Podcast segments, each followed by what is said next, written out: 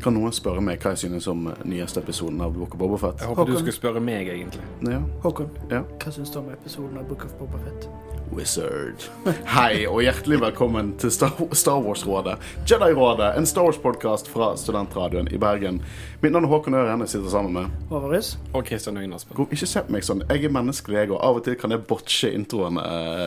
Det, det, alt går ikke kjempesmooth. Nei, men det er ikke gøy når du gjør det. Jeg tror det er en stund siden sist du har Ja, har vært veldig ikke bare begynt med hei, Veldig A4. hjertelig velkommen til Jedi-rådet. Ja, det er det. Men av og til må man på en måte mikse og matche litt eh, med introene. Men jeg har et litt sånn artig spørsmål å stille. Mhm. Og det er hvem skulle Altså, Book of Bobofet. Hvem skulle tro at den beste episoden fra Book of Bobofet så langt er en Mandalorian-episode?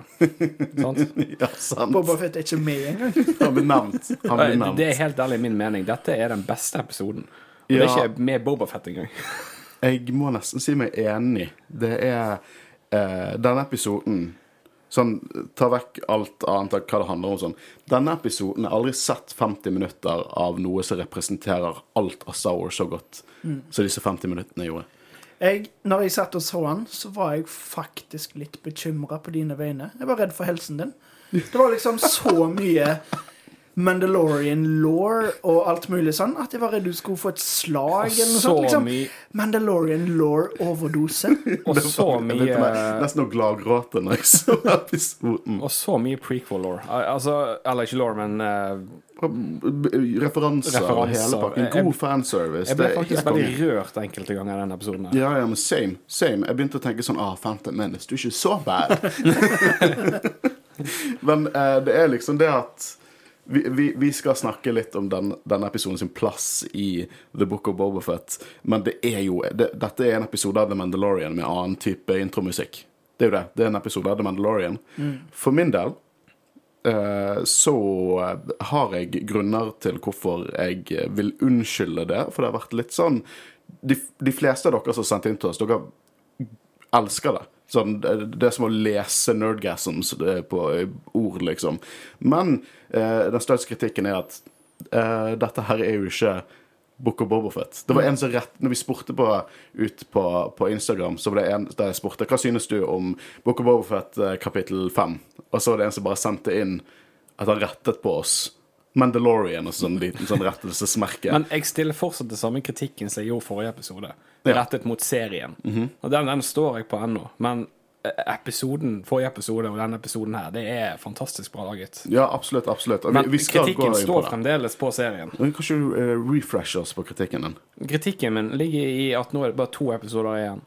Okay, ja. Jeg føler at build-upen har vært litt for lang. Er det litt for mye build-up og litt for lite endgame? Jeg begynner litt Men, men det, å er, tenke det samme er, sjøl nå. det er ikke på grunn av Det er ikke action jeg søker. Hvis det, det, det du holdt på å si, skal ta fram igjen. Men Nei, nei, det, er det jeg skulle bare si, er at jeg begynner å bli litt enig nå, fordi jeg er veldig glad vi fikk en episode av, av Mandalorian i Boba Fett, men som du sa, det er bare to episoder igjen nå. Jeg er litt sånn Men- litt bekymra på hvordan det kommer til å øh, trekke alt sammen og få en god konklusjon. det er akkurat det, for bekymringen min ligger i å vite at det kun er syv episoder. Hadde jeg Ja. visst at det var flere, så hadde jeg ikke brydd meg. Da hadde jeg kjørt på og fortsatt. Kanskje den siste episoden er bare så å si en to og en halv time. Kommer det en sesong to?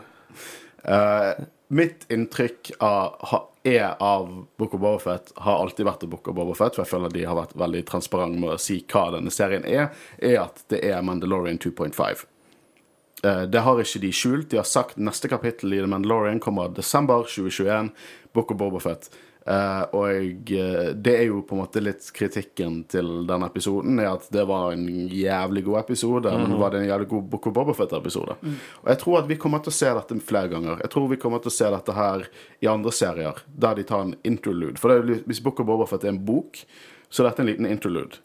Uh, Men igjen, jeg, en ting jeg vil, positiv ting jeg vil si, er at, at Mando ikke bare dukket opp. Jeg liker at vi fikk liksom hvordan han kom dit, til at han nå blir med i neste episode. ja, det er build-up, vet du. Sant? Det er ikke bare somehow Mando, Mando uh, Det er, den, det, det er denne bekymringen over å vite at det kun er to episoder igjen, og at de kanskje har strekt denne build-upen litt for langt. Det eneste jeg har lyst til å si, uh, er at hvis det er to mennesker på, på denne planeten Ja, men dette har du sagt før. Jeg sier det en gang til. Ja, okay. Er det to mennesker på denne planeten som faen meg har fortjent at vi stoler på storytellingen deres til de er ferdig, så er det Dave Filoni og John Favreau. De fortjener jeg, skjønner, jeg skjønner kritikken, og det er, ikke, det er ikke første gang jeg sitter her og sier Nei, men det kommer til, alt kommer til å gi mening når siste film kommer ut. Jeg bare sier de har fortjent fra fandommen at vi stoler på storytellingen deres. Ja, det, det, det er jeg helt enig i. Ja. Og eh, så mye som de har blåst opp i media angående siste episoden, så er jeg jævlig spent på hvordan den blir. Eh, ja, jeg er sykt hypet. Uh, vi skal jo snakke litt om The Book of Bobafett chapter 5, Return of the Mandalorian, men før vi går inn i det, så har jeg lyst til å høre fra deg, Håvard. Jeg venter på det hele uken. Sosiale medier. Hva er dine nyeste tanker? Hva er den nyeste uh, sciencen bak sosiale medier til Jedi-rådet? Jo, den eh, siste fremskritt innenfor eh, vitenskapen om eh, sosiale medier er egentlig litt uforandra. Bare kjør på som dere har gjort før. Følg oss på Instagram, Facebook og Twitter, og eh, interager med oss. Med hver episode, spesielt nå i de uh, nye Star Wars, sånn eh, The Book of Boba Fett og sånn, så liker vi veldig godt å høre innspill fra lyttere. Og hvis dere har lyst å høre deres meninger Og det- på lufta, og da da- vet dere hvor dere gjør det. Og når jeg ser noen nylig i løpet av eh, på Facebook kommentarene som dukker opp, og meldingene fra på Instagram, det er veldig mye positive tilbakemeldinger, og det setter vi veldig stor pris på. Ja, vi, vi, vi synes det er så koselig, eh, og det er jævlig gøy at vi har 75 eh, ratings nå på Spotify. Når vi nærmer oss 100 100, 100. Ja, tenk, tenk om vi når ditt eh, 2022-ønske etter et par uker. Hvem skulle trodd det? Hvem skulle trodd det? Uansett, vi skal spoile the shit ut av eh, denne episoden når vi diskuterer The Book of the Mandal... Sorry. The Book of Boba Fett, Chapter 5, Return of the Mandalorian.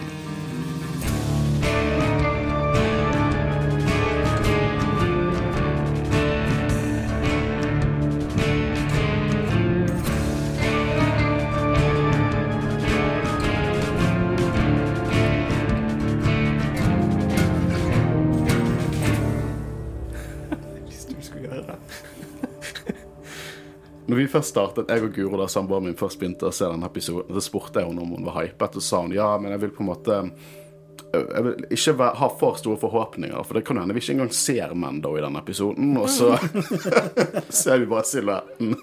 Men det, det likte jeg. For at uh, du kan jo egentlig tolke det som at det er Bobafett som står der, eller Mando. Jeg så, jeg Så så den entrancen med at de begynner musikken akkurat når han går gjennom, det var Konge. så konge. Konge. Vet du hva?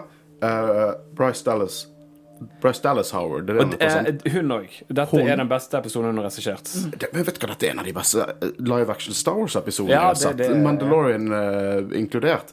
Vi har sett hun lage episode fire i sesong én, som ble anerkjent som en av de mindre veldig gode, til å lage en utrolig god episode i sesong to. Til å lage noe av det, i hvert fall diskuterbart noe av det beste vi har sett i Book of Bobafett. Jeg ble skikkelig overraska når jeg så end credits eh, og så at det var hun. Eh, jeg tenkte på det gjennom hele episoden. Liksom, Hvem er det som har regissert denne? Og eh, ikke at hun gjorde en dårlig jobb. Jeg føler at mye av det er nok det at hun hadde kanskje ikke så mye å jobbe med, fordi de ep episodene i sesong én er ikke det verdens mest spennende. Men uh, her har hun virkelig funnet formen. Fy Fyren. Det er så bra. Ja, du merker jo det fra første episoden i sesong én, så sesong to, og så nå at hun på en måte lærer litt på veien òg. We will watch her career with great interest. Yes. Eh, så Mando går inn i et slakteri, eh, og jeg Hey, look, guys! It's Mando! ah, det var så gøy senere i episoden når uh, hus, uh, Pellimåter sa akkurat det alle tenkte. Ja, og, Pelly Motto, ja. Tenk en sånn karakter som jeg var sånn ah, hun er veldig Clone Wars. Til å bare Å, det er Pelly Motto! Pelly Motto gikk i bakgrunnen, så du det? Og så er hun med her. Elsker hun nå. Hun, bare, hun er på en måte kommet inn i Star Wars-mytosen bare på en perfekt måte. uh, men det er jo begynner et slakteri. Uh, Klatonian. Det er masse Klatonian som jobber der. Uh, bulldogger med ulike viktorianske hatter, var det jeg sa. det er en sånn der eh, liten cap. Eh, men det er Mando som går inn der, og det første jeg tenkte, var sånn han falt tilbake igjen til det? Han tilbake igjen til eh, dusørjegering, bounty hunting. Eh, og jeg, jeg syns det er interessant, for vi har drevet og spekulert. Hva skjer etter sesong to av Mandalorian? Hvor er Mando? Og vi begynner å tenke å, han er med sin posse med Bo-Katan, og han går litt sånn John Snow og bare blir trent opp til å bli uh, Mandalore. Han virker mer målløs. Han har, ikke, han har mistet sønnen sin. Han faller tilbake igjen til, de, til på en måte sine gamle eh, røtter. Og, og jeg, på en måte, jeg tror For Stars Explain snakker litt om dette her. At uh, mye av connection her uh, i denne episoden og resten av Book of Bobafett er mer tematisk. At Bobafett og Mando på en måte Det er mange paralleller i hvor de befinner seg i livet sitt. sant? De er på nye farvann, og de er litt usikre på hvordan de manøvrerer de farvannene. Eh, og det syns jeg er interessant. Eh, Du får jo vite senere at han gjør det for å få spesifikk informasjon òg, så det er ikke sikkert at han er bare gått helt tilbake på eh, sitt gamle liv, men at, det- han, det at det på en måte er en, bare means to an end, på en måte. Mm. At han måtte gjøre det for å få den informasjonen han trengte. eh, og den Darksaber-kampen der inne Fy flate faen. Det var der jeg fikk nesten et ildbefinnende.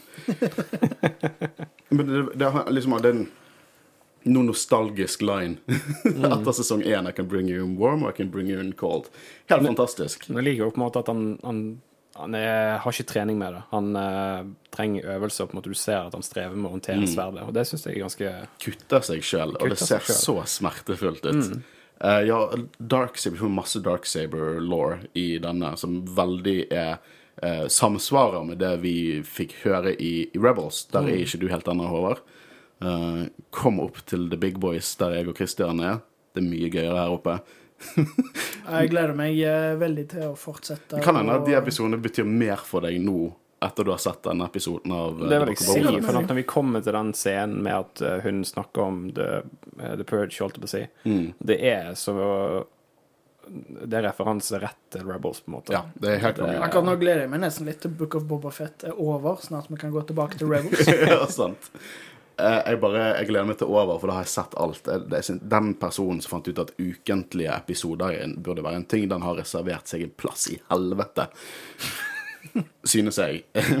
Men uh, han er ute etter en uh, Klatouinien, Kalba Bais, eh, og det ender med at han kutter han i to. I noe som er kanskje noe av det mest R-ratede jeg har sett i Ja, Star Wars. jeg ble Ja. sjokkert når jeg så igjen hvor grovt det faktisk var. Jeg pleier aldri å se Altså, det er jo ganske mange som har fått kutta av diverse deler av en lightsaber, men det er sjelden det på en måte ikke kutter vekk. Mm. Og han kutter av hodet hans og kommer ut med hodet i en liten pose. Eh, ganske groteske greier. Eh, og eh, han befinner seg Han driver og snakker med resten av Klatouinien. Skal inn, hent penger, jeg har ikke noe krangel med dere. Enklere å ta med seg et hode enn hele kroppen. Det er sant. Han er en praktisk mann. Ja. Eh, og vi får se første gang planeten, eller eh, romstasjonen, Oh, jeg, har lyst, jeg har lyst til å si en ting. si en ting. Det, det jeg ville si, var at akkurat han tar fram det hologrammet av han han er på jakt etter, han sitter rett overfor bordet. Det er jo Det lignet jo ikke på han engang. Nei, de gjorde ikke det. Det var, det var liksom det som var så rart. Tatoveringen matchet, Ja, ja, men ikke, ja, ikke ja. Kanskje han har endret litt. har litt. sikkert pyntet seg litt. Ja, det, det, det, det var, men jeg tenkte det eh, samme. ja, men det var ikke det som var poenget mitt. Nei, nei, beklager. Poenget mitt var det at eh, det er som å se åpningen av første episoden i Mandalorian. For det er akkurat det samme som skjer. Han går inn og snakker med en som han er på jakt etter, og viser akkurat som program. Det, det, det, de to scenene kunne stått opp mot hverandre, og de er ganske helt like. Han sier akkurat, Jeg samme, sier akkurat den samme replikken. Ja, men jeg er helt enig. Uh, og det kan jo hende at det symbolerer sy litt symbolikk der. Sånn, han falt litt tilbake til gamle røtter. Uh, for han, han, jo, han er jo ute etter å komme tilbake til kulten sin. The Children of the Watch. Han, vi, vi, og det liker jeg, da. Vi, vi skal snakke mer om det senere i episoden. Men at hele denne kulten, Children of the Watch, som har definert hele livet hans Det er ikke sånn at han bare kutter de ut. Og, og det syns jeg er realistisk, istedenfor at han bare sånn Nei, nå er jeg ferdig med det. Nå boker han min nye heltinne, liksom. Han har problemer med å løsrive seg fra det, da. Eh, og det er litt den episode, det denne episoden handler om. Eh, men han, eh, han er på denne ringverdenen av Glavis, og det På ser Halo. Eh, ja. Det var det første jeg sa. Halo? Men det er utrolig, utrolig Star Wars. Det er bare Ringverdener er så jævlig kult. Og hvis dere har sett eh, coveret til eh, Ringworld-bøkene fra 70-tallet, helt identisk. Du har de segmentene med lys, mørkt, eh, sol, mørkt. Det ser dritfett ut. Eh, det kan hende fordi at jeg er hakket lei av Tatooine.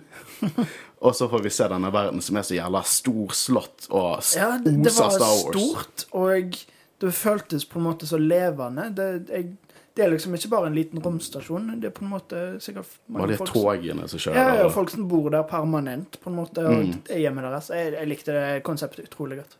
Er dette første gang vi har en bare skikkelig long take i Star Wars? For fy faen, så kult det var.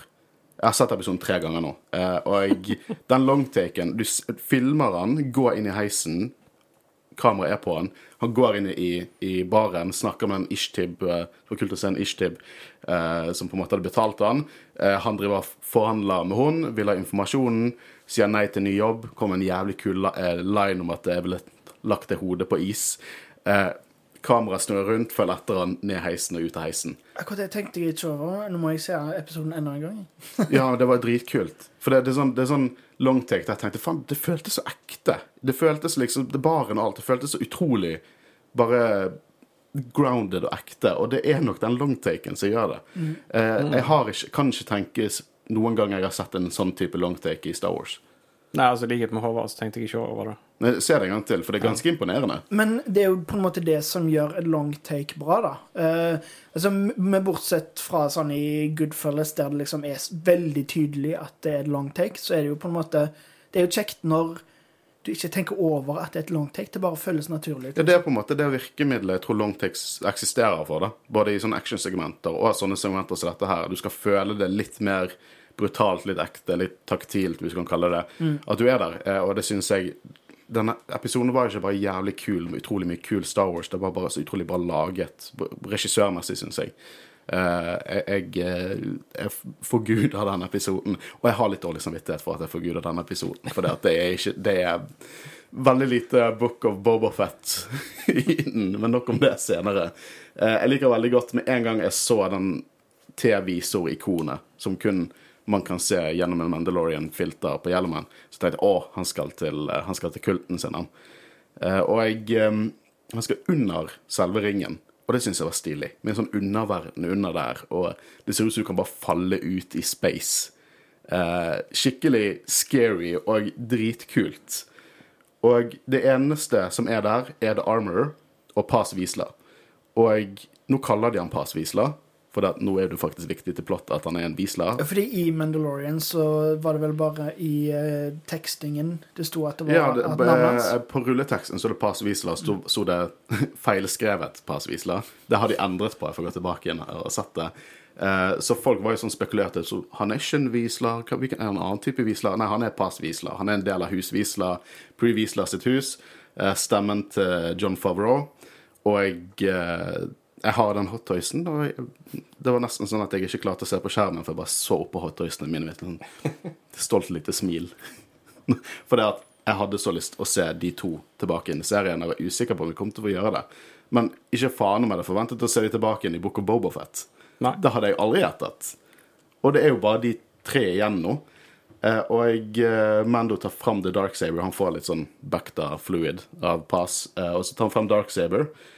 Og jeg, eh, jeg bare elsker når, når de på en måte snakker litt om, om den lightsaberen og Paz Wiesler. Han virker helt besatt av den. Du bare ser, du bare ser at han med en gang han ser den man på seg hjelm, med en gang han ser den darksaberen, så er han Holy shit, det er darksaberen, og han er en Wiesler. Jeg liker også den lille dissen da Armor kommer med, mot Empire. Empire. Bare sånn alle snakker om det Empire, de det varte bare i 30 år.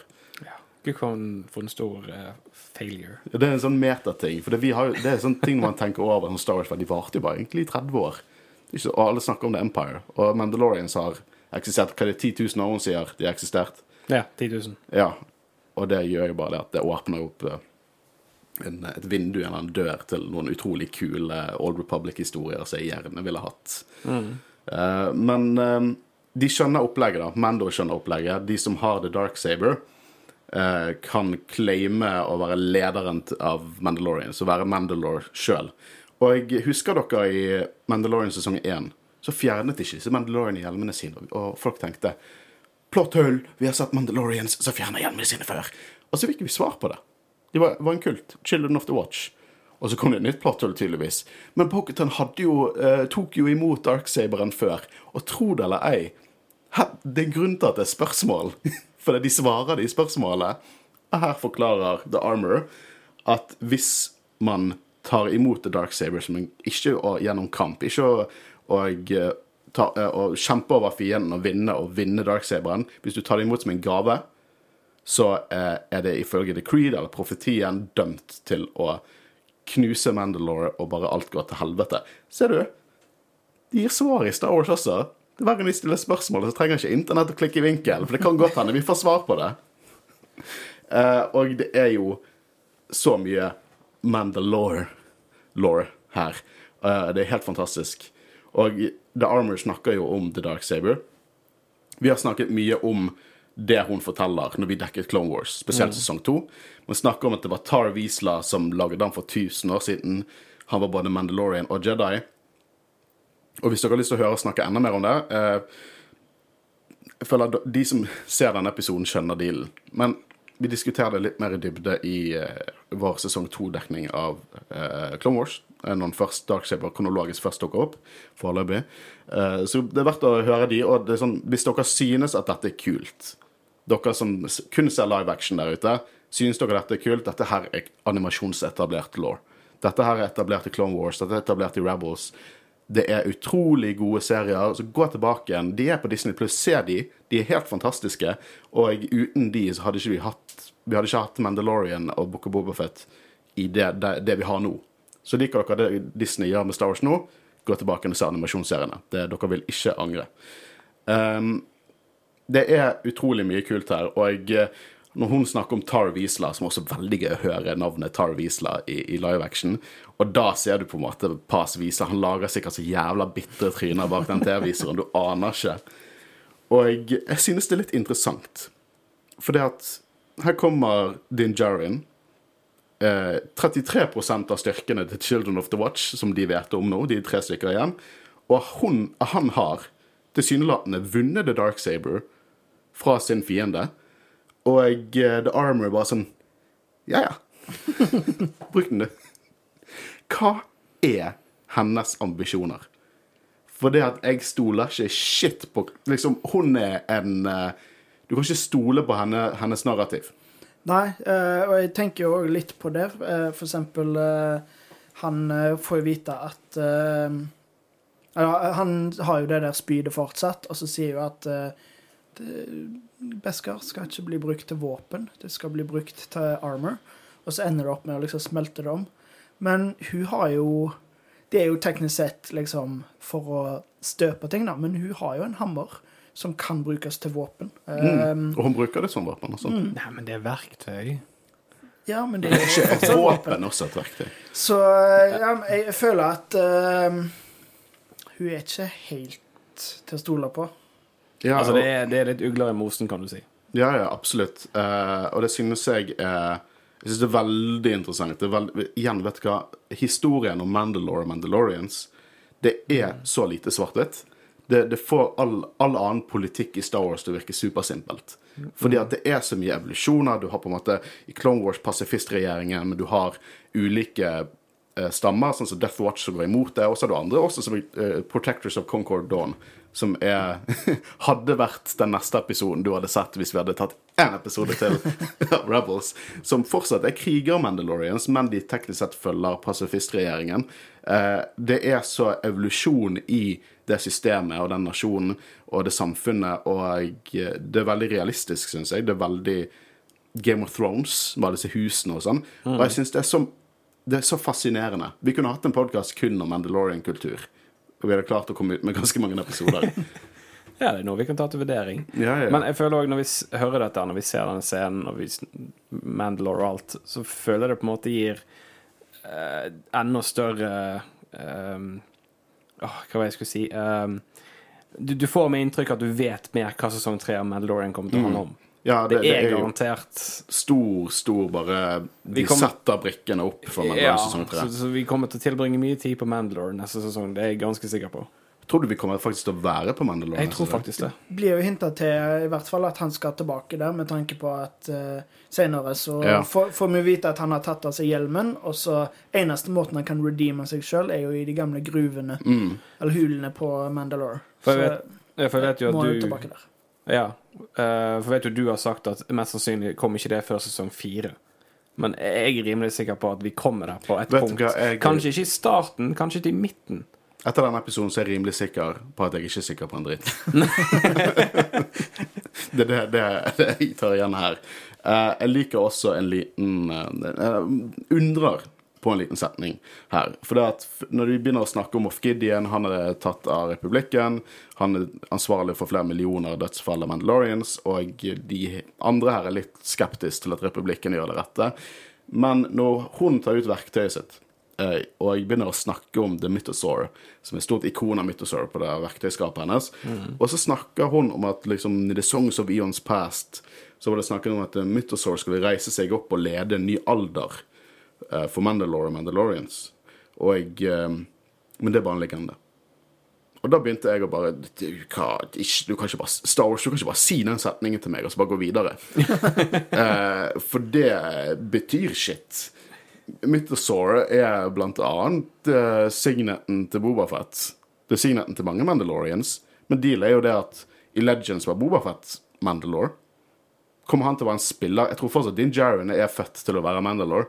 Men kommer Bobafett til å være en spiller? Kommer han til å skyte etter tronen? Han går jo på en sånn ledervei nå.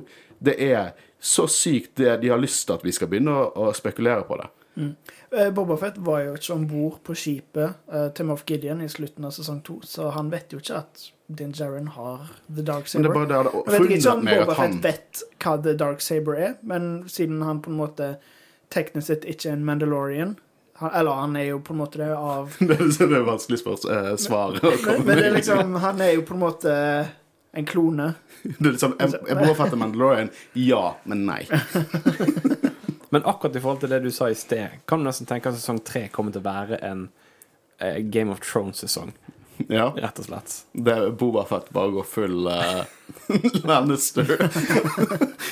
Hvem vet? Jeg tror det er det de vil at vi skal tenke. Men jeg elsker eh, denne, den uh, tilbakeblikkscenen, holdt jeg på å si, der de viser eh, bombarderingen. Av Mandalore, ja. Ja. Fikk veldig Terminator-vibes av den. Og Ja, bare ja, faktisk sånn. med KX-droidene De liksom eh, K2SO sin liksom default uh, droidemodell er scary looking når de er skikkelig Imperial. Og det var jo Terminator-vibe til de grader. Vi ser hovedstaten Sundari, som vi har sett i Rebels og Clone Wars gang etter gang. Kjempeikonisk. Bare Ja. nuket. Eh, jeg får frysninger av å snakke om det. Ja. Jeg syns det er helt fantastisk, og Bobafett driver jo og, og Ikke Bobafett, Mando. Han spør om Boketan. Han spør om uh, The Armor om Boketan Crease, og hun sier at uh, Boketan er på en måte en sånn ad, eh, ka- cautionary tale. Det, det, det er på en måte en historie som på en måte en advarsel der. sant? For hun tok imot sverdet som en gave. Og ifølge Cretan så det, førte det som profetien gikk sannhet. Mandalore gikk under. eh, for hun bare baserte seg på blod og gave. Og det er jo indirekte nevning av Sabine, for det var jo Sabine som ga det sverdet til Bokhatan som gave i Rebels. Eh, og dette her er jo bare bensin på bålet til disse liksom kultistfaene i Children of the Watch. Det er bare bensin på bålet, og det er, det er så hjernevasking. Og jeg elsker det. Jeg syns det er kjempe, kjempegøy og mørkt, og historien er bare awesome. Og hun begynner å snakke om eller The Armor, da, Children of the Watch, mye hinter til at de her folkene er etterkommere av Death Watch.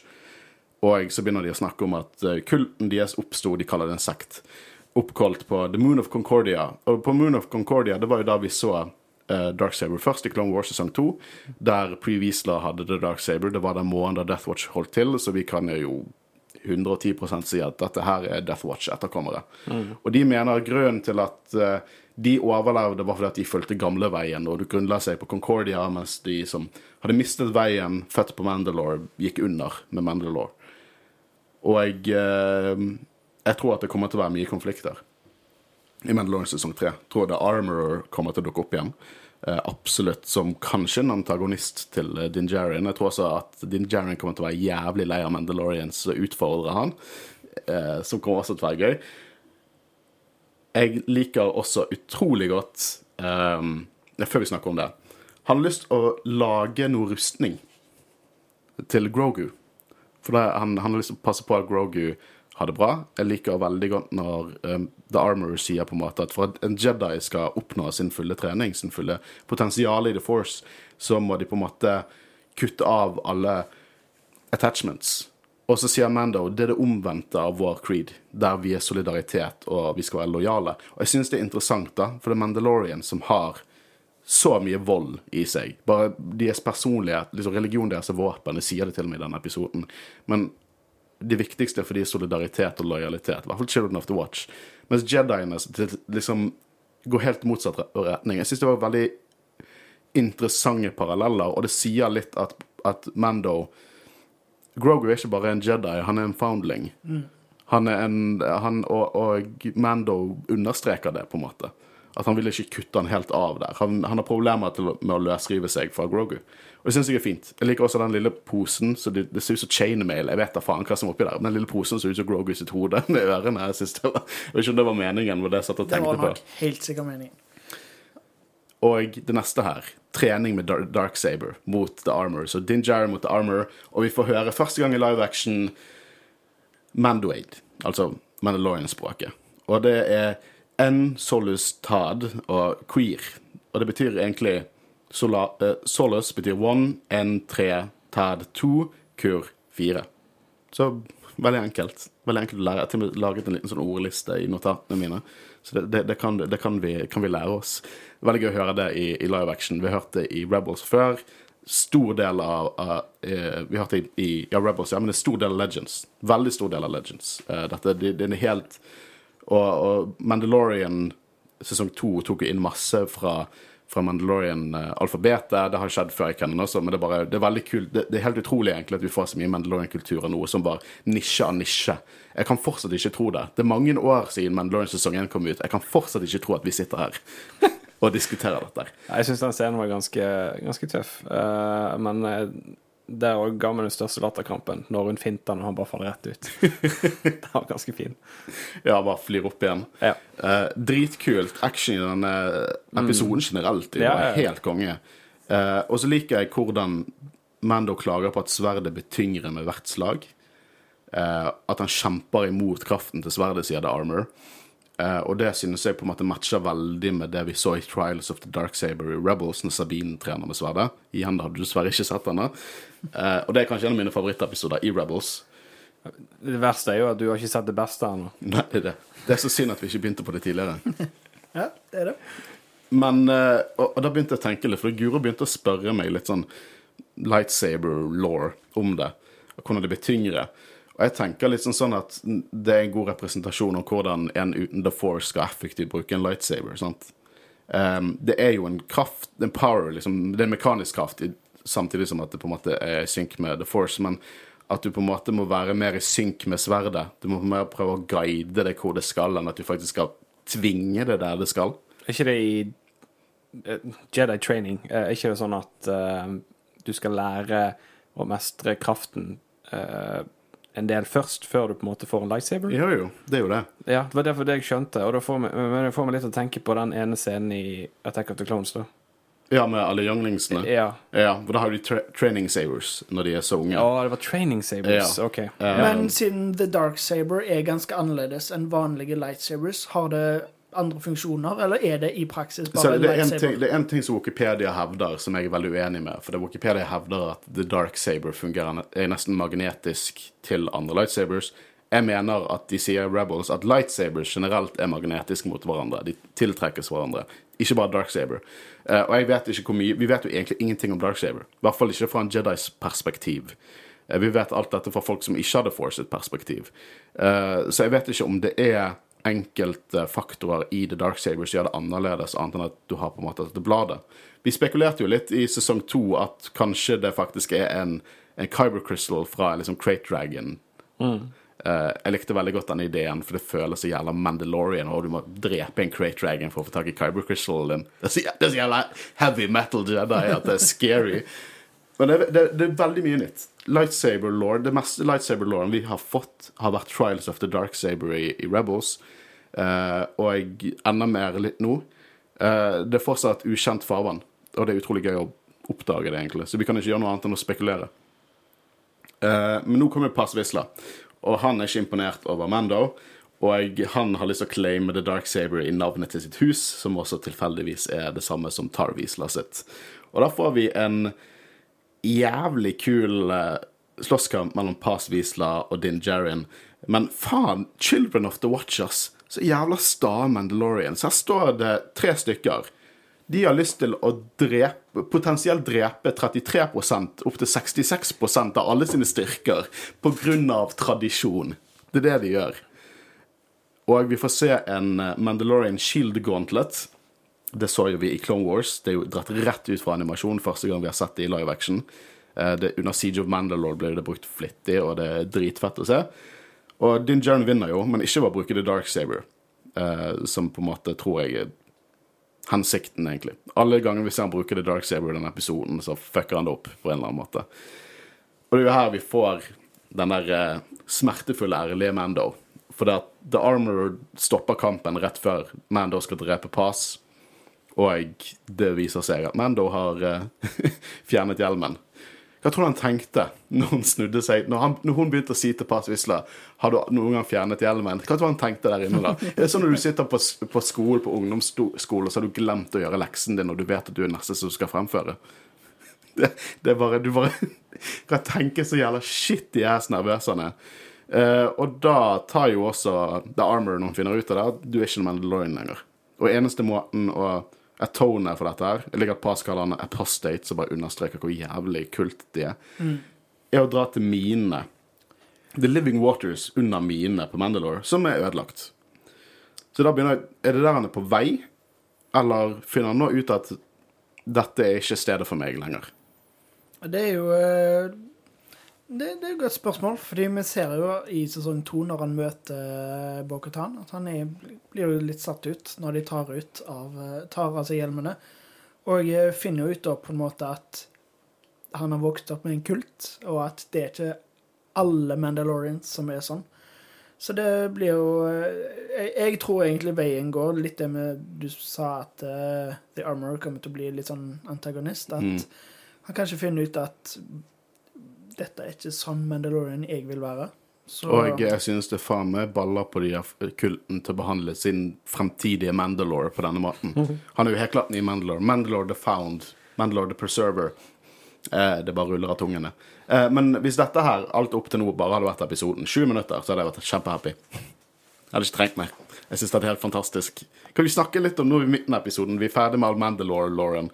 Hva synes dere om introen her? Er du like hypen som jeg er? Jeg syns det var Ja. utrolig bra. Jeg, jeg så denne når jeg var på jobb, eh, og jeg, jeg bare håpte jeg ikke fikk en telefon. Og liksom bare Jeg hadde ikke lyst til å ta på pause. Det var bare Det var så perfekt. Og jeg likte Nei, jeg, jeg, som jeg sa, jeg syns dette er den beste episoden av Book of Bobafett så langt. Uh, og jeg ble jo egentlig, egentlig ganske overraska over at vi fikk så mye, fordi jeg hadde jo nesten forventa at de hadde spart det til sesong tre. Mm. Uh, og de kun, dette kunne fint ha vært første episode av sesong tre.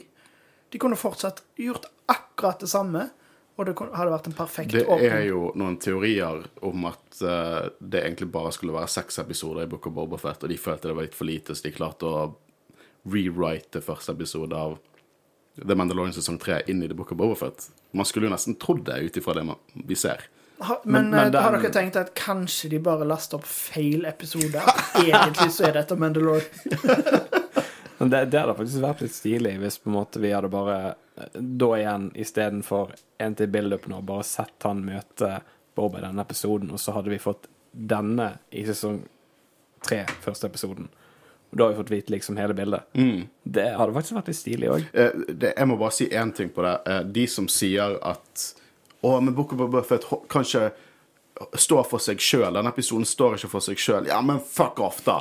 Hvilke, finnes det mennesker der ute som ikke har sett The Mandalorian, men har sett The Book of Boba Det er samme, det er samme det, Mando 2.5. Skal, vi- skal vi prøve oss å holde oss litt mindre Altså litt Aggressiv. mer vekke fra kommentarfeltene?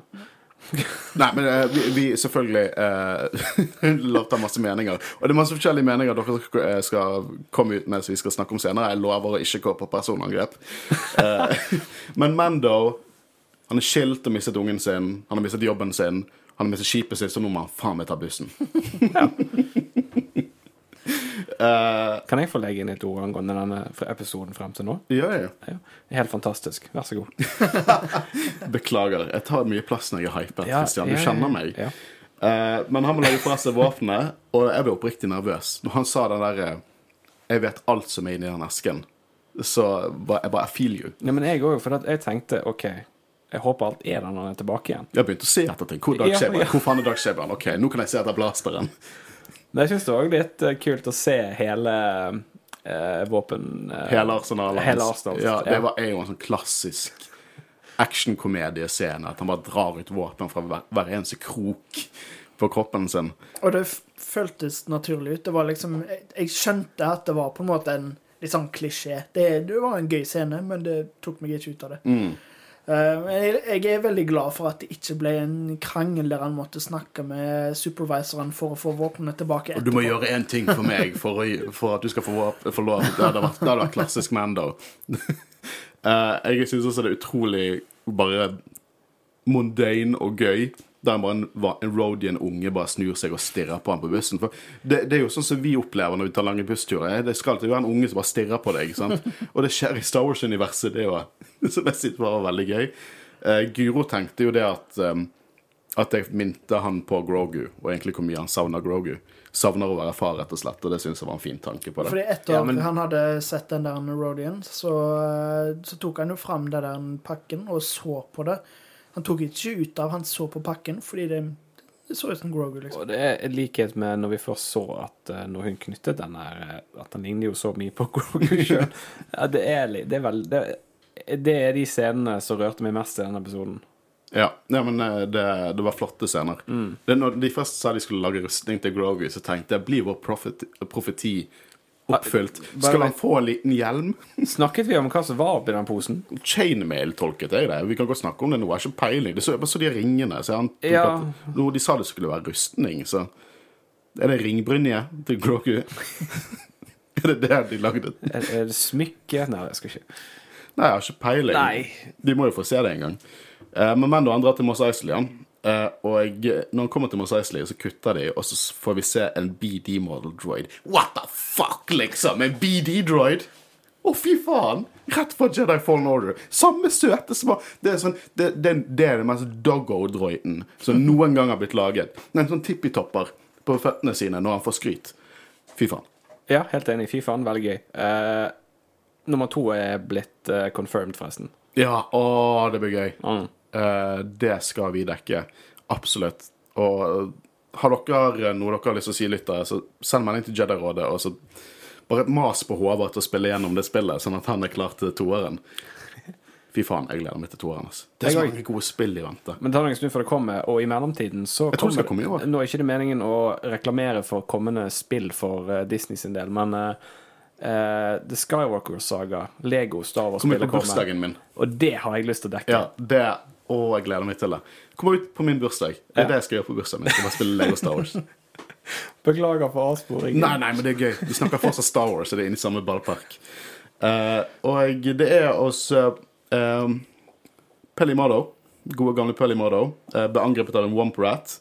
Uh, redde droider. Hun kritiserer dem fordi dere er droider og skal gjøre det dere vil. Det er jo ikke noe rart at R5 ikke har lyst til å gjøre det. Han er jo ikke motivert i det hele tatt.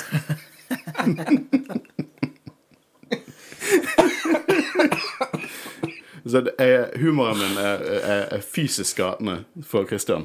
Det er faktisk det beste du har hatt fram til nå, så det, det skal du ha. Jo, takk, takk.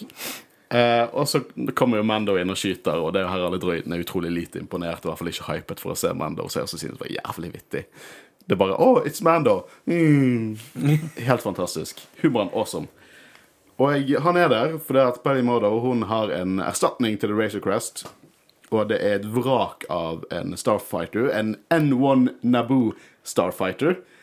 Holy shit, Ja, ja. når jeg så det, jeg tenkte nei, det er ikke det. Jeg ble helt Å, jeg ble så hypet når jeg så det. Eh, Det første jeg tenkte, var sånn ah, kult. Men det er jo ikke veldig praktisk når du skal være dusørjeger. Det var det jeg tenkte. uh, og Mando er jo ikke imponert, han heller, for det er jo et vrak. Uh, men Pelly hun overtaler han til at la oss bare bygge det. Og skal vi se hva, du, hva du mener. Det er liksom Det er pre-Empire, The Galactic Republic, det håndlaget. eh, eh, den kommer til å være ute fra noen register, liksom. Perfekt eh, for Mando. Eh, så vi får egentlig en, eh, en lang building-montasje. Der det er fullt av små detaljer som jeg elsker. Jeg elsker at BD-droiden driver og leker med scurryene. Så mens de snakker, så driver han der sånn gjemsel med de scurry-rottene, eller mini-kengurugrisene, eller hva faen du skal kalle dem. Eh, og når han liksom driver og jobber litt med BD, og, BD klarer liksom ikke å fokusere lyset sitt Det er sånn, det er sånn han solo Empire Strikes Back, der han bare kjefter på droider. Kjempegøy. Men, og med jawaene, eh, det som jeg har lyst til å poengtere ut, at eh, hun har datet en jawa. Ja, det er Ja. Og så tenkte jeg ok, det var litt random. Er det bare sånn adlibbing fra henne? De klarte liksom ikke å la være å si det. Og så når en av jawaene kommer ut et, opp etterpå, så tar den jawaen helt klart og, og liksom sjekker hun opp. det er ikke tvil. Og hun sier ah, nei, jeg jobber litt med meg sjøl for tiden, så nei takk. Jeg vet det er folk som ikke liker at Bill Burr uh, er med i Star Wars. Og jeg vet ikke om Amy Sedaris, som også er en komiker, har fått like mye feedback om det, men hun er så gøy. Ja, hun er Det kjempegøy. er, det er merkelig, og litt sånn du sier, det er litt sånn Clone Wars-feel, men det passer likevel inn. Hun er Ja, bare en men- sterk karakter. Men å se dette skipet, det var ganske kult. Og jeg elsker referansen til eh, Phantom Menace. Mm. Uh, Og jeg vet ikke om du sa det, men dette skipet er jo eh, det som uh, Anakin No, this is pod racing. Yeah, yeah. Spinning, that's a good trick. Det er dette skipet. det er ikke akkurat hans skip, så men er det, er det hans? når du, Nei, det, er det hans? nei God, det garantert ikke. Men dere så den scenen i Phantom Menace, tenkte dere ah, dette skipet vil jeg at en badass Mandalorian dusørjeger skal kjøre. Men dere, Nei, men dere det- hva en cryogenic density combustion booster er for noe? Det, jeg har sett bilder av det. Det er den stangen som eh, Med sølvmalt bobleplast. Ja, eh, Som- som, ja, Luke som- bruker ja, ja, I, eh, i den der trash compactoren på Death Star. Ja, det er det, og det er veldig gøy. Nå vet vi hva den blir brukt til. Nei, vi vet kinda hva den blir brukt til. Faen så mye technobabble i denne episoden. Uh, det, dagen etter så får vi det jeg tror skal forestille Kykkeliky. Fra en sånn dinosaur-flaggermus-thingy. Og så får vi se skipet. Holy fucking shit. Sorry, fransken min, ass. Det er noe av det kuleste Starfighteren jeg har sett i Star Wars. Det bare skriker Mando. Bare det samme liksom Litt sånn chromy ah, Jeg håper han får en skikkelig paintjob òg, med sånn skikkelig chrome paintjob. Og jeg bare elsker sånn som det er nå. Jeg Er du, trenger er du kommet helt til der de har fullført skipet nå? Ja, var det noe tidligere du ville ta opp? Er det bare- meg som falt av stolen? Denne Den lange uh, dingsen Det som var det vi nettopp snakket om. Det er jo det som er cryogenic density combustion Jeg tror du snakket om den eh, tidligere. Uh, jeg lo meg i hjel når jeg fant ut hvordan de fikk tak i den. Uh, Ja, ja, ja. ja, Mm. men det, det var bare det Jo, men jo, fortell det. Eh, Nei, eh, de hadde stjålet den fra et eh, Pike Spice Runner. Spice Runner Mens de fylte på drivstoff. Jeg skjønner ikke hvorfor ikke den kom ut av kjeften din. Nei, det, det var vel det, Jeg hadde helt glemt, Book of Boba Fett. Vi snakker om Mandalorian nå, men det er jo en av de fra knyttelsene til The Book of Boba Fett. Du har helt rett. jeg syns òg den lille dingsen minnet meg veldig om noe. Og det er eh, fra New Hope. Ja, det snakket vi om. Når de og Når dørene går sammen. Snakket dere om det? Ja. Følger du ikke med? Nei, jeg følger ikke med. Jeg fikk ikke med meg. Dere går så fort. Beklager, vi er så hypet. Uh, apropos fort, jævlig god bror Christian. Uh, denne Naboo Starfighteren den uh, har en jævlig kul flight-sekvens. Jeg liker hvordan Altså, han sier jo at det er mye motor for et så lite skip. Og jeg liker at det, det ser bare ut som en gammel De veteranbil har med sånn trimmet det. rund midt, Trimmet skipet. motor bare rett opp, og så bare Rister litt. Veldig kult. Og så rett i Beggars Canyon, rett ut fra Phantom Menace. Uh, Podracing-sted. Det er helt konge. Helt konge. Synes det er Men tror vi dette blir hans permanente skip? Hvis du var glad Robert, Robert Rodriguez ikke tok og lagde den episoden, for da hadde det skipet bare kjempesakte gjennom luften. Akkurat som Space Vespa, sant? jeg tror det blir hans permanente skip, ja. Ja. Jeg tror, ikke han kommer, jeg tror han kommer til å legge fra seg dusørjegingen. Jeger... Bounty hunting. Hvorfor klarer jeg ikke å si det? Dusørjaktene sine. Og det skipet er jo perfekt til Grog òg, fordi han, de har tatt vekk Astromech-porten, så det er liksom bare en sånn en boble på toppen. Kan Grogu sitte og eh, se ut og kose seg. Men eh, når det kommer til Grogu, så føler jeg kanskje det er litt for tidlig å introdusere han igjen med en gang. Eh, ja, jeg er veldig enig. Jeg har lyst til å diskutere det litt eh, når vi kommer på slutten, Ja. der de hinter til det, men jeg er veldig enig. Eh, men eh, Mando han går jo fullt amok og flyr ved siden av det skipet og, og nikker til denne unge, Rodian-ungen som så på han. Og så kommer Carson Taver tilbake igjen. Han er på en måte live action Star Wars og C3PO. Han bare dukker opp overalt. Uh, og eh, han lar på en måte Mando gå. men lurer litt på eh, Kjenner jeg deg? Har du vært borti en Razor Crest? Og så bare flyr Mando vekk. Elsker det. Jeg liker den scenen. Jeg syns det var veldig morsomt, for han liksom bare Ja, nei, jeg, han, jeg har ikke omregistrert skipet. Jeg har nettopp bygga det og alt mulig sånn, men de skal være så veldig sånn Nei, men OK.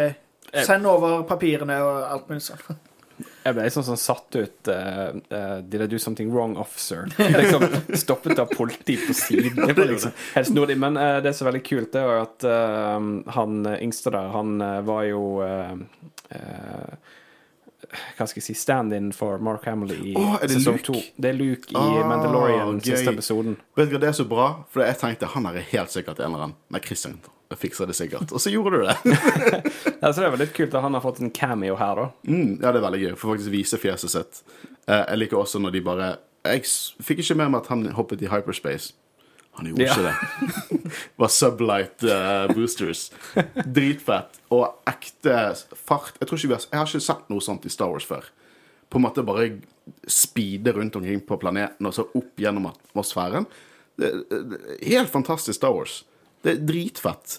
Og når han kommer tilbake igjen, så er Fennek der. Og jeg elsker at hun sier 'vi trenger hjelp'. Og han kaster pengene tilbake igjen og sier til Boa for at 'it's on the house'. Og Det var akkurat det vi, vi tenkte han kom til å gjøre, og det er kjempegøy, for de er buddies nå. Og han skal bare møte en liten venn først. Ja. Ja. Jeg håper litt det skjer offscreen. Det er også, Jeg føler det er litt for tidlig å Ja. ta Grogu inn igjen akkurat nå. At Jeg tror kan ikke han kommer i Book of Boba Fett. Mm. Jeg tror det er offscreen i Book of Boba Fett. Kanskje, kanskje Ja, på en måte men- første episode begynner Det tror jeg hadde vært en av god idé. av sesong tre begynner der det slutter her nå, og så ja, eller Kan litt, det bli eller litt, komplisert, eller litt senere. Jeg føler liksom ikke rett på det heller. Jeg føler Det er tidlig nå, men jeg føler det også for tidlig med episode én i sesong tre av Mandalorian. Mm. Siden vi har stoppa han akkurat i slutten av sesong to. Nei, men jeg, jeg er enig. Eh, nå må vi, vi må la Grogu puste litt. Det, det er bare vondt for oss. Vi har allerede liksom akseptert at vi ikke får se Grogu på en stund, og så skal de bare vise han på nytt igjen. Da, da blir det vanskelig for oss å, å, å, å løsrive oss. Um, Men det er jo på en måte her jeg eh, Her tenkte jeg jo at selv om jeg er veldig glad vi fikk en Mandalorian-episode her, så kunne de jo på en måte gjort det sånn at vi ikke så alt som skjedde før, men vi bare så Phoenix Hand møte han. Og så kunne dette vært første episode av sesong tre, der vi på en måte kommer på samme sted, og at Mm. vi ser det som skjedde før. Men uh, det jo blir på en måte litt rart, så jeg Ja. skjønner hvorfor de ikke gjorde det. Men jeg er veldig interessert i hva de kommer til å gjøre, i hvert fall. Uh, jeg er bare enda mer hypa på sesong tre.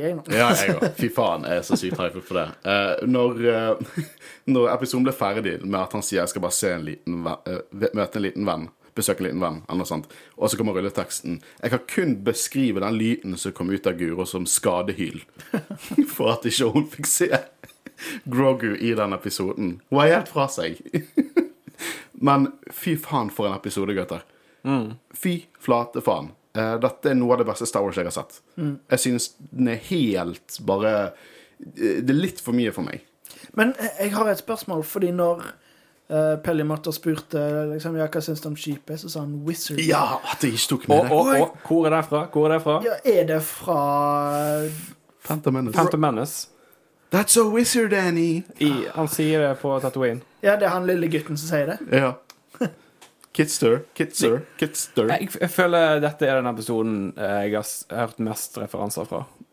Ja, Og sett mest referanser fra. denne, denne episoden er bare Jeg har aldri sett 50 minutter Jeg sa det i begynnelsen, jeg har aldri sett 50 minutter av Star Wars som bare hedrer all Star Wars. Som kom før. Ja, som kom før. Men spillet med BD1, prequel-trilogien Det er til og med en Father-referanse fra Last Jedi.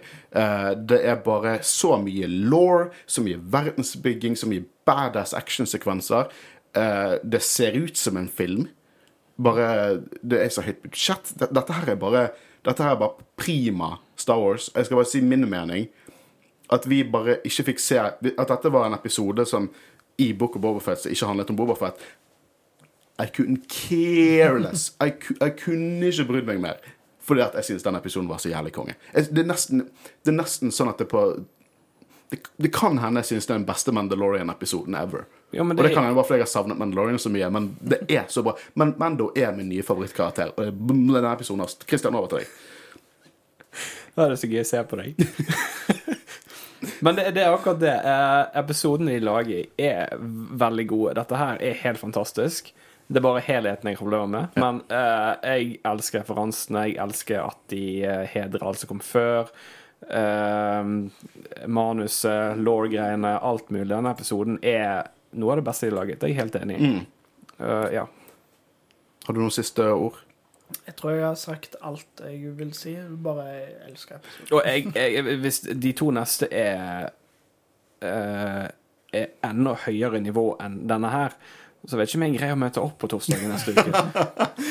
Ja, sant. Det er, men det, er- jo bedre episoden er, jo mer stresset er jeg for å snakke om det. Og ty, for det er, det er ting jeg hopper over, for det er så mye bra. Jeg hoppet, over, hoppet jo over Wizard. Det er jo kjempegøy. Men det er liksom det òg i forhold til at Du gjør jo mest research, research ut av alle oss. Og da ha én dag på deg for denne her episoden, hvordan fungerer det? Uh, deal er at jeg har aldri skrevet så mye notater på én live action-episode som jeg har gjort i dag. Nei. Aldri. Uh, det, det, er, det er faktisk litt sånn Jeg har litt problemer med når jeg først ser episoden for første gang jeg er helt fersk, jeg har litt problemer med å ikke notere i hodet mitt, for jeg har lyst til å få den inn helt fersk. Jeg pleier å være flink til det. eh, Og bare se den, og så ser jeg den som regel én eller to ganger til. Når jeg noterer, så ser jeg den, og så trykker jeg på pause sånn hvert tredje minutt for å notere. Eh, Det er en prosess, men det går fort. Det, det, det, jeg bruker lunsjen min på jobb til å notere. Hvem trenger mat, hæ? Uansett, eh, dere lyttere har mange tanker. Vi har fått så mye inn eh, hver uke nå. Det er helt klart at det er hype for Star Wars for tiden. Eh, vi kan som sagt ikke ta alle, for vi får ganske mye inn.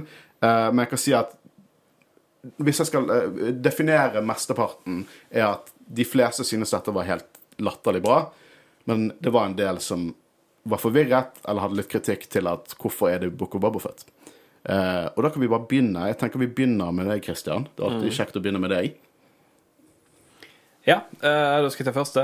Eh, rått at de tok med så mye fra The Phantom Menace, og det er jeg faktisk helt enig i. Det er ganske rått. Jeg begynte å sette mer pris på den filmen. Det er helt Ja. sinnssykt. Så ne- neste gang til, til og med når han fløy gjennom Beggars Canyon, så denne rampen der eh, Anakin flyger av, så dere at porten var fortsatt Ja, knust? Ja, den var fortsatt knust etter podracingen. Ja. Er Kjempegøy. Jeg har så dumt glis på meg. ja, nei, nei, men uh, hele den scenen der òg Åh, for en episode. For en episode. lyst til å se Phantom Menace på nytt Ja, Ja, rett og slett. Um, dette var eh, nei, neste. Dette var skikkelig Star Wars. Storkoste meg. Og, enda et, en, og endelig en episode med litt lengde. Ja, det var som en liten film. Ja, fantastisk. Helt fantastisk. Mm. Uh, Armor ble bad. Armor ble bad. Ja. Kriminell. Vedder på det.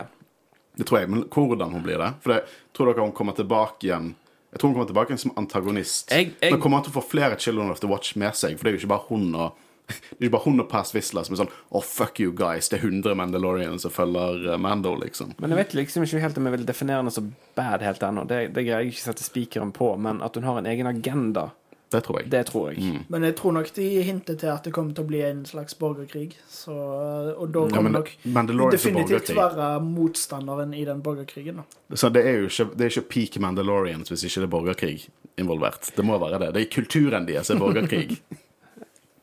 Skal vi se. Eh, så Spiderman i helgen. Dette var bedre. Oh, Spiderman, folkens. Hva syns dere? Spiderman var helt konge. Oh, helt nydelig film. Uh, holy shit, Spiderman Men eh, sorry, dette var faktisk bedre. Jeg er helt enig. uh, og jeg elsket Spiderman. Jeg forguda den filmen. Jeg satt og jublet i kinosalen. Dette her Er bedre. Mm -hmm. yep. Sorry, tegneserieligaen. Håvard?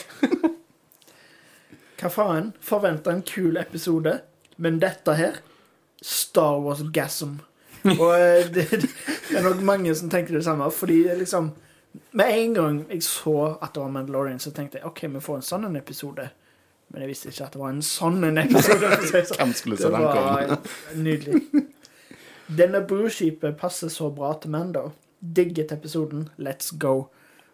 Jeg er helt enig. Jeg syns det er veldig kult at de gjør det. Skriker Mando. Det passer så godt òg.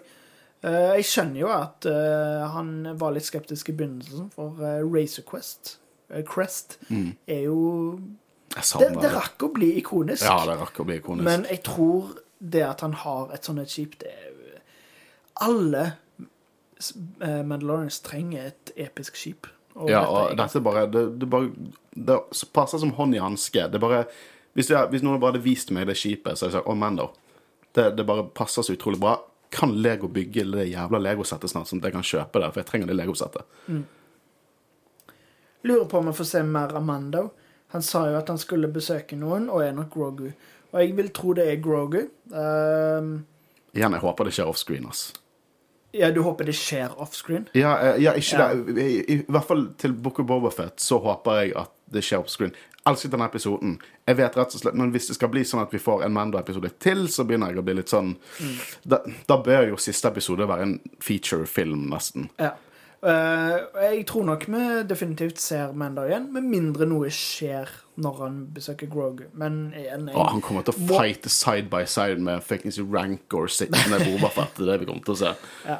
Uh, men det blir jo spennende å se hvor, lenge, hvor lang tid som skjer mellom disse episodene. Mm. Da, om, ehm, fordi nå har vi jo på en måte to episoder igjen, og jeg vil tro at han fortsatt holder på med å samle muskler, så neste episode blir nok enda mer oppbygging, og så blir siste episode fighten, på en måte. Hvis ikke det blir en two-parter, da. At vi, for det, det var jo kind of det som skjedde med Mando sesong én. Uh, var jo det Ja, det er mulig de det, noe det var en veldig two-parter at det på en måte avslutta med litt cliffhanger i på en måte kind samme episoden. Mm. Det Star Wars elsker å gjøre det. Vi husker jo two-parteren i Bad Batch, hvor mye vi hatelsket det. Amazing. Hadde gåsehud hardere enn Beskar stort sett hele episoden gjennom. Jeg tror, de, de som jeg tar med bare fordi jeg syns de er veldig gøye. Mm. Eh, også spesielt neste. Den har du fått. Den er gjennomtenkt at du skal få. Lurer på om Jawan var god i sengen. Din gris. Du er en gris! Du som leste det. Men eh, ja, altså eh, Kanskje det Hvor er de furry? Jawar Er de furry hele overalt? liksom? Ja, har ikke, sånn sett, har ikke du sett under ermene til Jawar? Det er hår som stikker ut. De er forklart som rodents, nesten, under uh, de hettene. Det, vi klarer ikke å finne noe, men i gamle proppen, eller gamle kostymer og i nyere Star Wars, så har de alltid hår under ermene. Hvis de hansker, så ser du hår stikker opp. Så de er furry. Overraskende furry. Det er litt problematisk å ha en sånn sånn seksuelt eh, tonet eh, ord, og så bruke ordet furry ganske mye, men sånn er det. Eh, jeg har samlet noen av de kritikere, de som kritiserer litt eh, dette her, og jeg, jeg synes at det er en veldig legitim kritikk å si at kul episode, eh, men var det Boko of Fett? Og det er så å si de fleste som sier her, eh, det er det, er det at en som skriver 'digger første episode i Mandalorian sesong 3'. Det er retter oss og sier er Mandalorian. The Book of Mando drar seg virkelig til. Eh, helt syk episode. Akkurat at jeg håper på, men kanskje litt lite Boba. Men fy søren. Det fortsetter jo mer Det er liksom noe sånn à la Kenobi. I was expecting Boba. Why are you here? Men det er en her som er litt mer kritisk. Jeg sier at det er en av de svakere episodene. Trodde vi så på Book of Boba, og ikke Mando sesong 3. Og det har jeg lyst til å snakke litt om, for plassen denne episoden har i Book of Boba Fett Vi vet jo egentlig ikke det ennå, men eh, for min del eh, så har alltid Disney vært veldig klar over at dette her er neste kapittel i Mando. Dette er en mellomting. Det er Mando sesong 2,5. Og jeg tror ikke dette her er, eh, er siste gang vi kommer til å se sånne detours i disse live action-seriene. Jeg tror ikke det. Det er kind of det vi fikk med Asoka. Der var jo Mando faktisk med. Men det er backdoor pilots, og i hvert fall i Book of Bobofet og Mando, så er det et De prøver på noe veldig knyttet her. Så jeg tror at vi nesten bør, litt, bør være litt vant til den type storytelling. Igjen, hvordan det passer inn i, i Book of Bobofet, er jo det at jeg, jeg føler det paralleller med hvordan karakteren befinner seg eh, i livet. Jeg tror at vi kommer til å skjønne litt mer i de to neste episodene. Det tror jeg. Igjen, jeg stoler så å si blindt på de to gutta. For de har fortjent at jeg stoler blindt på dem. Liksom, jeg lar Dave Filoni og John Favreau ta, ta styret, ta rattet, som de sier. Eh, og jeg tror at vi kommer til å se noe awesome. Det, det er trist at, at du du syns det var en av de svakeste episodene, eh, men eh, jeg tror alle skjønner at jeg forgudet denne episoden. Jeg syns dette her er prima Star Wars. Det, liksom, det er sånn Star Wars som får meg til å tenke Faen, jeg er glad jeg lever. For da får jeg oppleve dette. Nå må jeg bare holde meg levende til å se konklusjonen, når enn det kommer. Vi har sagt det før, sier det igjen. Vi lever i en Star Wars-gulalder. Ah, vi gjør det. Ah, så, så sykt, altså. I fucking love it. Og jeg gleder meg jævlig mye til, eh, til neste episode. Jeg tror fortsatt ikke vi har sett det beste i denne serien. Det tror jeg ikke. Jeg tror, det, jeg tror vi kommer til å se noe sinnssykt, i, i hvert fall i siste episode. Jeg håper det, i hvert fall. Eh, hvis dette er den beste episoden, så er det i hvert fall en veldig god episode, sånn. Men det vil bli litt sånn antiklimaks hvis det på en måte går ned i kvalitet igjen. Men jeg tror heller ikke det. Jeg tror om det ikke er bedre, så er det i hvert fall på samme nivå som det vi har fått tidligere. Ja, det tror jeg òg.